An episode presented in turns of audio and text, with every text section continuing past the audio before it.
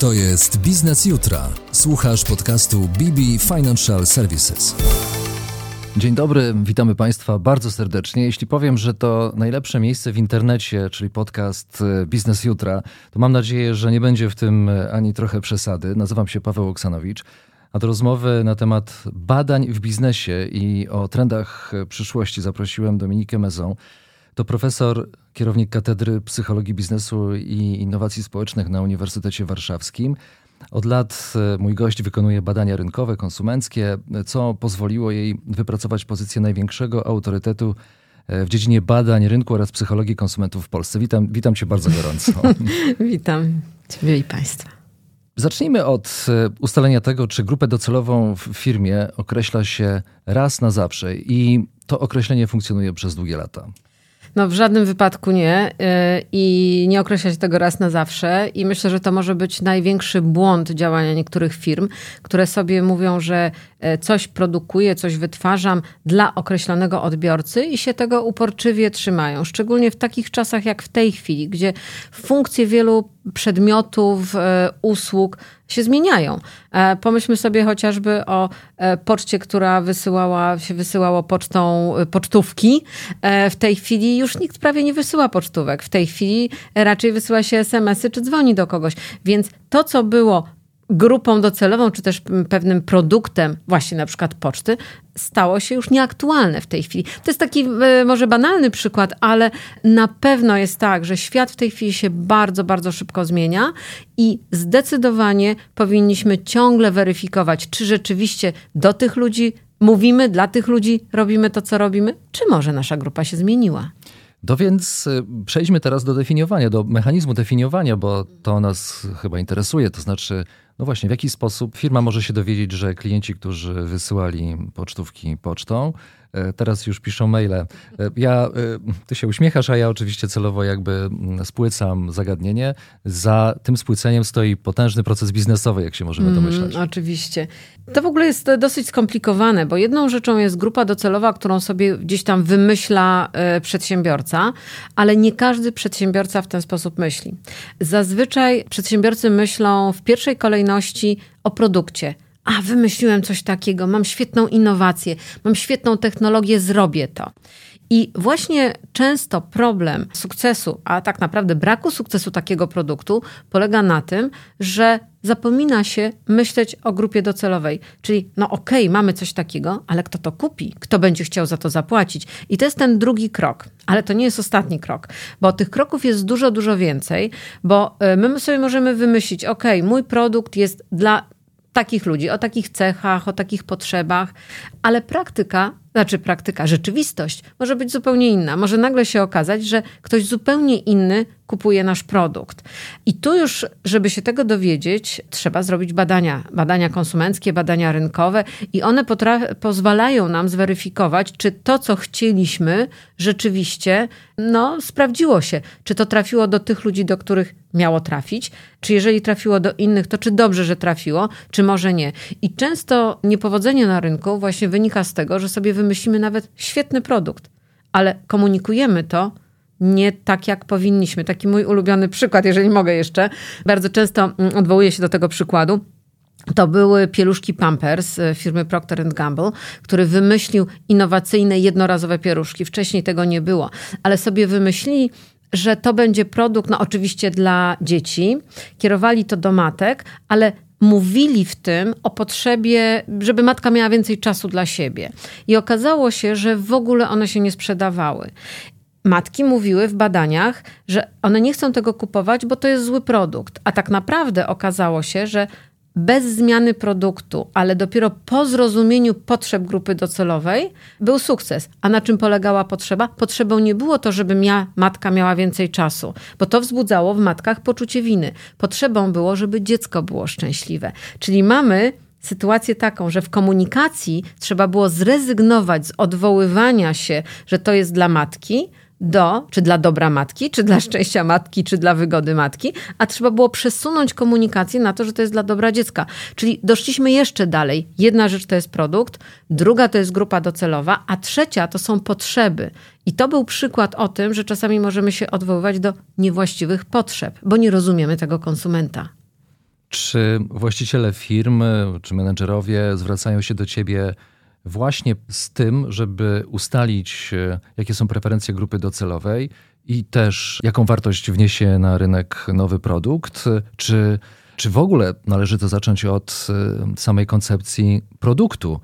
E, jak poukładać ten proces, żeby w całości im przyniósł sukces? To są w ogóle bardzo skomplikowane procesy i ja powiem tak, że badania marketingowe czy badania rynkowe to trochę tak e, jest uznawane za synonim, czy badania konsumenckie, można prowadzić na każdym etapie. Oczywiście mało kogo stać, żeby cały czas opierać się na badaniach, a poza tym ja zawsze też mówię, że to nie jest potrzebne, że trochę fantazji, trochę y, intuicji też jest w biznesie potrzebne, że nie można się kierować wyłącznie tym, co wynika z badań, bo nie wszystko da się zbadać, bo często y, potrzeby są nieświadome na przykład i konsument nam nigdy nie powie do końca, więc ta, to takie lekkie szaleństwo przedsiębiorcy, który coś wymyśla, jest też w biznesie potrzebne. Natomiast co można badać i z czym się, odpowiadając na twoje pytanie, z czym się do mnie producenci zgłaszają.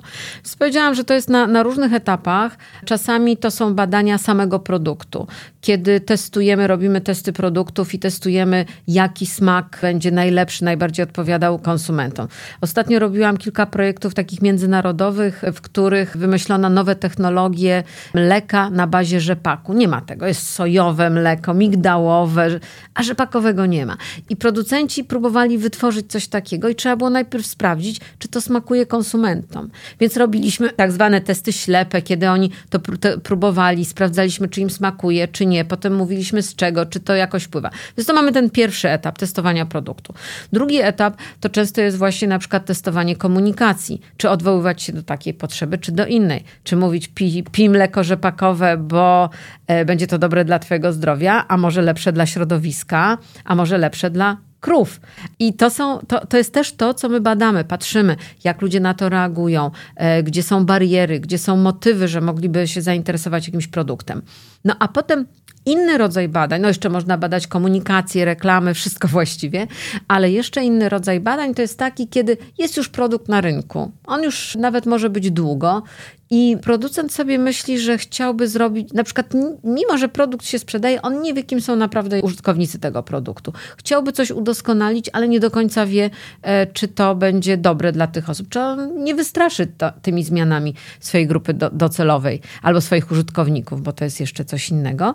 I wtedy się robi badania, po prostu się robi na przykład badania sondażowe, w których się pyta, czy ktoś używa dany produkt, dlaczego, dlaczego tej marki, dlaczego innej marki i się robi taką mapę konkurencji i, i, i miejsca własnego produktu e, na tle konkurencji. Powiedziałaś ciekawą rzecz, e, że są sytuacje, w których e, jest różnica pomiędzy grupą docelową a odbiorcami czy tak. odbiorczyniami produktu. Czy możesz nam to wyjaśnić? Czy się często spotykasz z taką sytuacją? Tak, to znaczy zdecydowanie może tak, tak być. I to jest e, właśnie, kiedy na początku zaczęliśmy rozmawiać o grupie docelowej. Ja gdzieś tam chciałam do tego dojść, ale poszłam innymi e, ścieżkami mojej opowieści. Ważne, na... że doszliśmy do tego tak, punktu. Tak, ale doszliśmy do tego punktu i bardzo się z tego cieszę, dlatego że grupa docelowa, to tak no teoretycznie na to patrząc, to jest coś, co sobie producent zakłada. Producent, czy na przykład agencja reklamowa, która tworzy komunikację, sobie myślą, My chcemy mówić do tych osób i podporządkowują pewne działania, czy nawet na poziomie tworzenia samego produktu, czy, czy właśnie komunikacji, czy ustalania cen, czy produkowania opakowań pod tę grupę docelową. No ale potem produkt wchodzi na rynek i się może okazać, że inne osoby tego używają. I na przykład taki ciekawy dla mnie trochę rozjazd jest, który zaobserwowałam w przypadku zamienników mięsa. Teraz dużo się mówi o tym, że, że są na rynku różne e, produkty, które mają zastąpić mięso. No i gdzieś tam myślano, że zamienniki mięsa, czyli jakiś powiedzmy sobie kurczak roślinny, czy, czy stek roślinny, czy kiełbaska roślinna, to będzie coś dla wegan i wegetarian. A okazuje się, że bardzo często to nie jest dla wegan i wegetarian. Oni mają swoje sposoby, oni myślą w innych trochę, trochę kategoriach a bardzo często to jest dla osób, które jedzą mięso, ale mają tak trochę wyrzuty sumienia, że jedzą za dużo. I żeby trochę to złagodzić, kupują takie produkty. Ja byłam zaskoczona, patrząc na właśnie wyniki badań, kto kupuje, a kto y, gdzieś tam był planowany. No, są to trochę inne osoby. Czasami rozjazd jest dużo większy. Z tego powodu wydaje mi się fascynująca praca mm, badawcza, właśnie skoncentrowana na rynku. Y, to chyba no właśnie musi ci przynosić wiele, wiele zaskoczeń, też, też, też y, sytuacji, w których jesteś no, uprzywilejowana, że masz wgląd w to, jak zachowują się określone grupy klientów. Czy żeby utrzymywać y, kontakt z nimi, należy robić badania? To znaczy.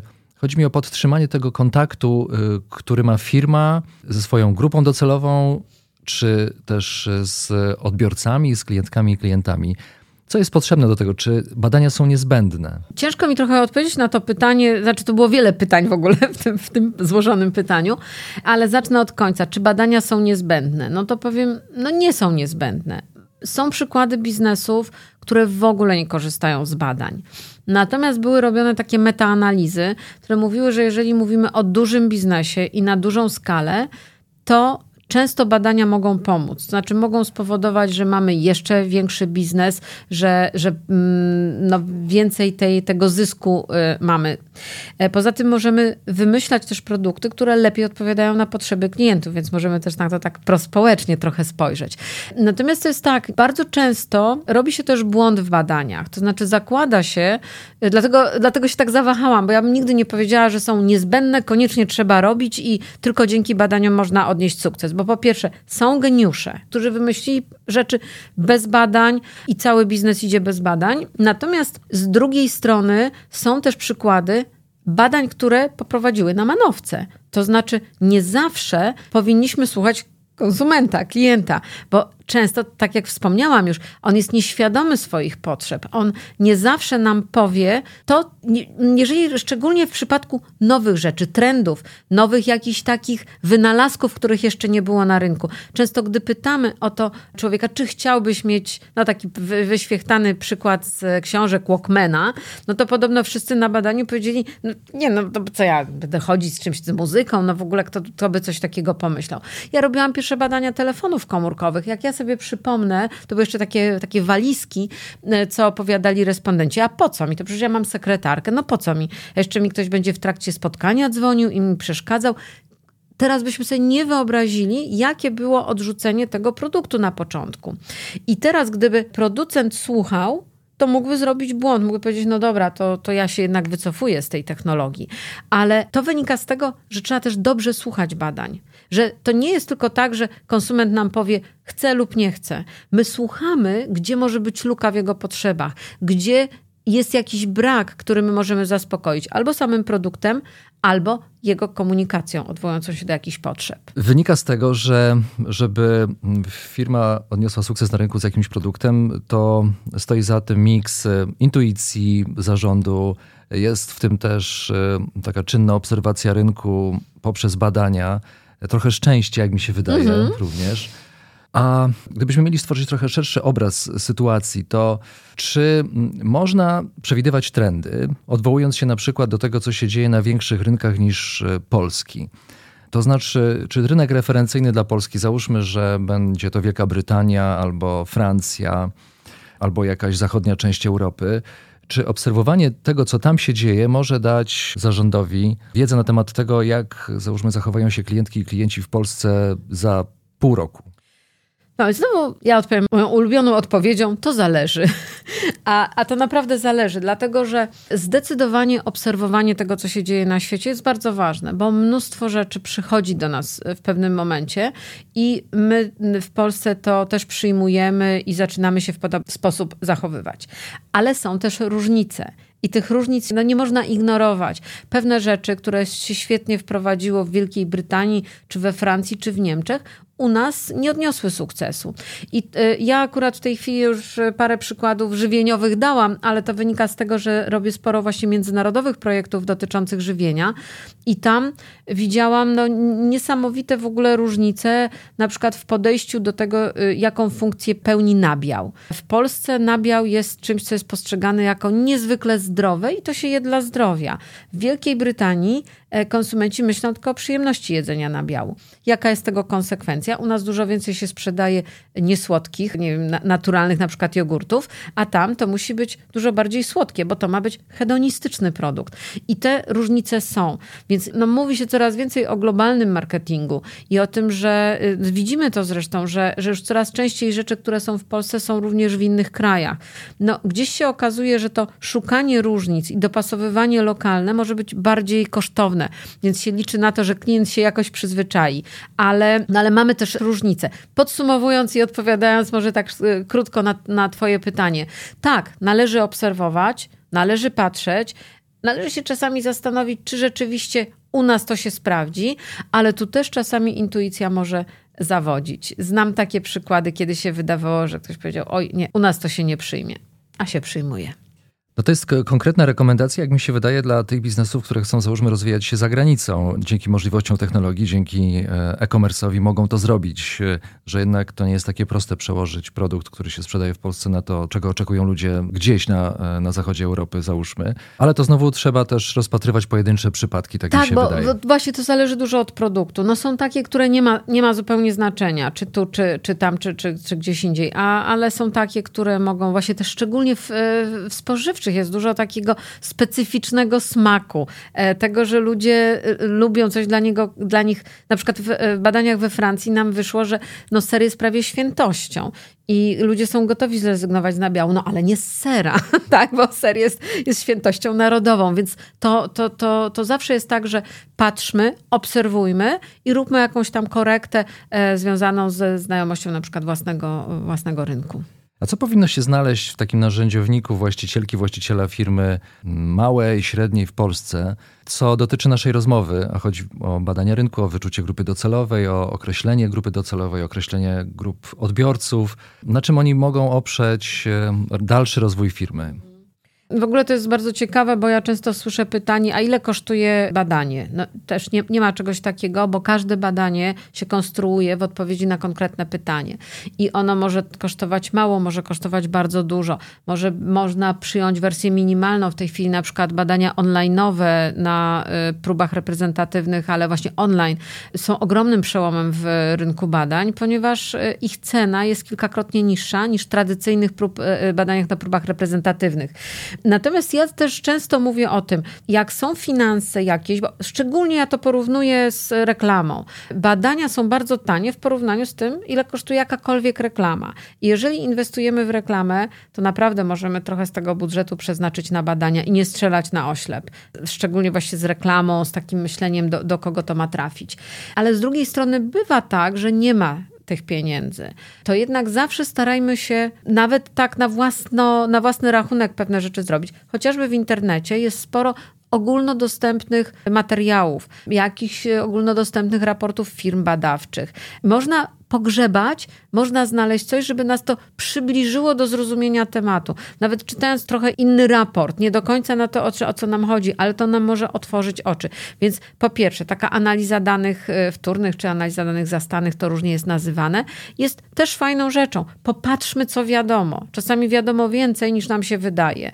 Mm, druga rzecz, to się też kiedyś nauczyłam tego, że mamy jakiś pomysł komunikacji, opakowania. Nie chcemy robić badań, nie mamy właśnie pieniędzy, czy jest inny powód. Możemy zapytać kilka osób, ale wyjdźmy poza grono najbliższych znajomych, żeby to nie było tylko pre prezes i inni prezesi dużych firm, którzy patrzą, jeżeli produkt jest dla, powiedzmy sobie tak, zwykłego człowieka. Zapytajmy panią, która w firmie sprząta. Tak? Zapytajmy, co ona sądzi o tym. I może się okazać, że już wyłapie, bo ma dystans do tego, co robimy, wyłapie coś jest to jakaś opinia konsumenta. Więc ja próbuję pokazać, że to wszystko, właściwie wyłapywanie informacji na temat konsumenta może być wszędzie, może być też za darmo. Oczywiście to nie jest tak adekwatne do naszego e, problemu, ale zawsze jest coś. Pokazałaś więc e, taki minimalistyczny model badań, które można zorganizować właściwie w ciągu 15 sekund. Wystarczy wyjść teraz z pomieszczenia, w którym e, nasi odbiorcy są, wyjdą na korytarz i zrobią badanie opinii społecznej. Ale ludzie mają jakieś wyobrażenie, tak mi się wydaje, badania, że, że to jednak są ankieterzy czy ankieterki, są pytania rozsyłane, czy to jest przez telefon, czy przez internet, że to trwa i trwa i trwa. Ale to chyba tak być nie musi, prawda? Bo badania mogą być, poważne badania oparte na metodzie naukowej mogą trwać krótko. To mogą być tak. jedno albo dwa pytania, prawda? Tak, to znaczy ja też bym e, chciała przestrzec przed tym, żeby ktoś słuchając naszej rozmowy doszedł do wniosku, a to nie trzeba zlecać filmem badawczym, mogę zrobić sam. Bardzo wiele problemów się pojawia na poziomie w ogóle wyciągania wniosków, analizy, ale mi chodzi o to, że trzeba konfrontować własne pomysły z potencjalnym odbiorcą. To jest jedna rzecz. A druga, odpowiadając też na twoje pytanie, badania mogą być bardzo drogie i badania mogą być rzeczywiście w tej chwili w miarę tanie i szybkie. Czasami to może być kilka pytań w badaniu takim online'owym, wielotematycznym, gdzie się zadaje, nie wiem, 3, 4, 5 pytań i już mamy coś w rękach i już na oślep nie decydujemy o tym, co robimy. Czy swoją pracę badawczą e, w seniorskim butiku badawczym Maison Partners, który zakładałaś i który wciąż prowadzisz, bo przecież jeszcze o tym nie wspomniałem, przedstawiając ciebie, a absolutnie nie chcę tego pomijać. Myślisz czasem o odpowiedzialności, jaka spoczywa na tobie jako no właśnie szefowej domu badawczego, że, że od tego, jak ty przebadasz grupę docelową, czy, czy rynek, zależy to, w jakim, w jakim kierunku pójdzie firma. No i co sądzisz właśnie o tej relacji pomiędzy biznesem a firmą badawczą? Tak? No, czy, czy tutaj musi być duże zaufanie? Właśnie, no tu jest kwestia taka, że y, ta odpowiedzialność to moim zdaniem polega na tym, że człowiek, badacz musi dobrze znać metodologię. To nie jest proste. Znaczy, ja z jednej strony dałam ten przykład, skonfrontujmy, mamy nowe opakowanie, to nawet z, z kimś na ulicy czy znajomym znajom, e, znajomych, ale to nie są tak naprawdę badania. Jeżeli zaczynamy mówić o e, poważnych badaniach, to tu się ocieramy o bardzo złożone problemy metodologiczne i wiele źle zrobionych badań to jest właśnie wykorzystanie złej metodologii albo wyciągnięcie wniosków nie tej metodologii, z jakiej się powinno. Bo taki podstawowy podział to są badania jakościowe i ilościowe. I z jednych, i jedne i drugie są potrzebne, ale innych rzeczy się dowiadujemy. Przy ilościowych jest potrzebna jeszcze do tego statystyka, dosyć y, czasami zaawansowana. I tutaj ta odpowiedzialność, moim zdaniem, polega na tym, żeby mieć pełną świadomość, co można wyciągnąć z badań, w zależności od metodologii i żeby nie robić nadinterpretacji, czyli żeby nie robić czegoś takiego, że no nie wiem, porozmawiamy sobie z sześcioma osobami i powiemy, że, że wszyscy ludzie, konsumenci tacy są. To znaczy my możemy, bo są też badania jakościowe, ale trzeba wiedzieć, co można z tych badań jakościowych wyciągnąć. Więc tutaj bym powiedziała, że to jest ta duża odpowiedzialność. Bo oczywiście dalej też mamy taką odpowiedzialność, że mm, czasami zleceniodawca prosi badacza o wprost rekomendacje, co on ma zrobić co on ma wprowadzić na rynek. Ja zawsze jestem bardzo ostrożna z tym, ponieważ ja nie znam całej, jako badacz, nie znam całego kontekstu biznesowego, bo zazwyczaj do badań nie mówi się o kontekście biznesowym. Mówi się o pewnym kontekście związanym z produktem, ale nie na przykład z całym portfolio, czy firma ma takie czy inne plany. I wiele decyzji biznesowych, dobrych decyzji biznesowych, to są dużo szersze niż tylko to, co nam mówi konsument. Więc dlatego ja mówię, tu trzeba być bardzo ostrożnym. My dostarczamy dane i tu odpowiedzialność polega na tym, żeby te dane były jak najlepsze, jak najlepszej jakości, żeby tu nie było przekłamania.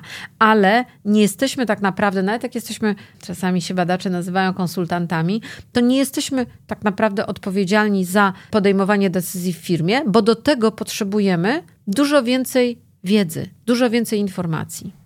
Dominika Mezon, profesor, kierownik Katedry Psychologii Biznesu i Innowacji Społecznych na Uniwersytecie Warszawskim, a także szefowa seniorskiego butiku badawczego Mezon Partners. Bardzo dziękuję za rozmowę. Bardzo dziękuję. To jest Biznes Jutra. Słuchasz podcastu BB Financial Services.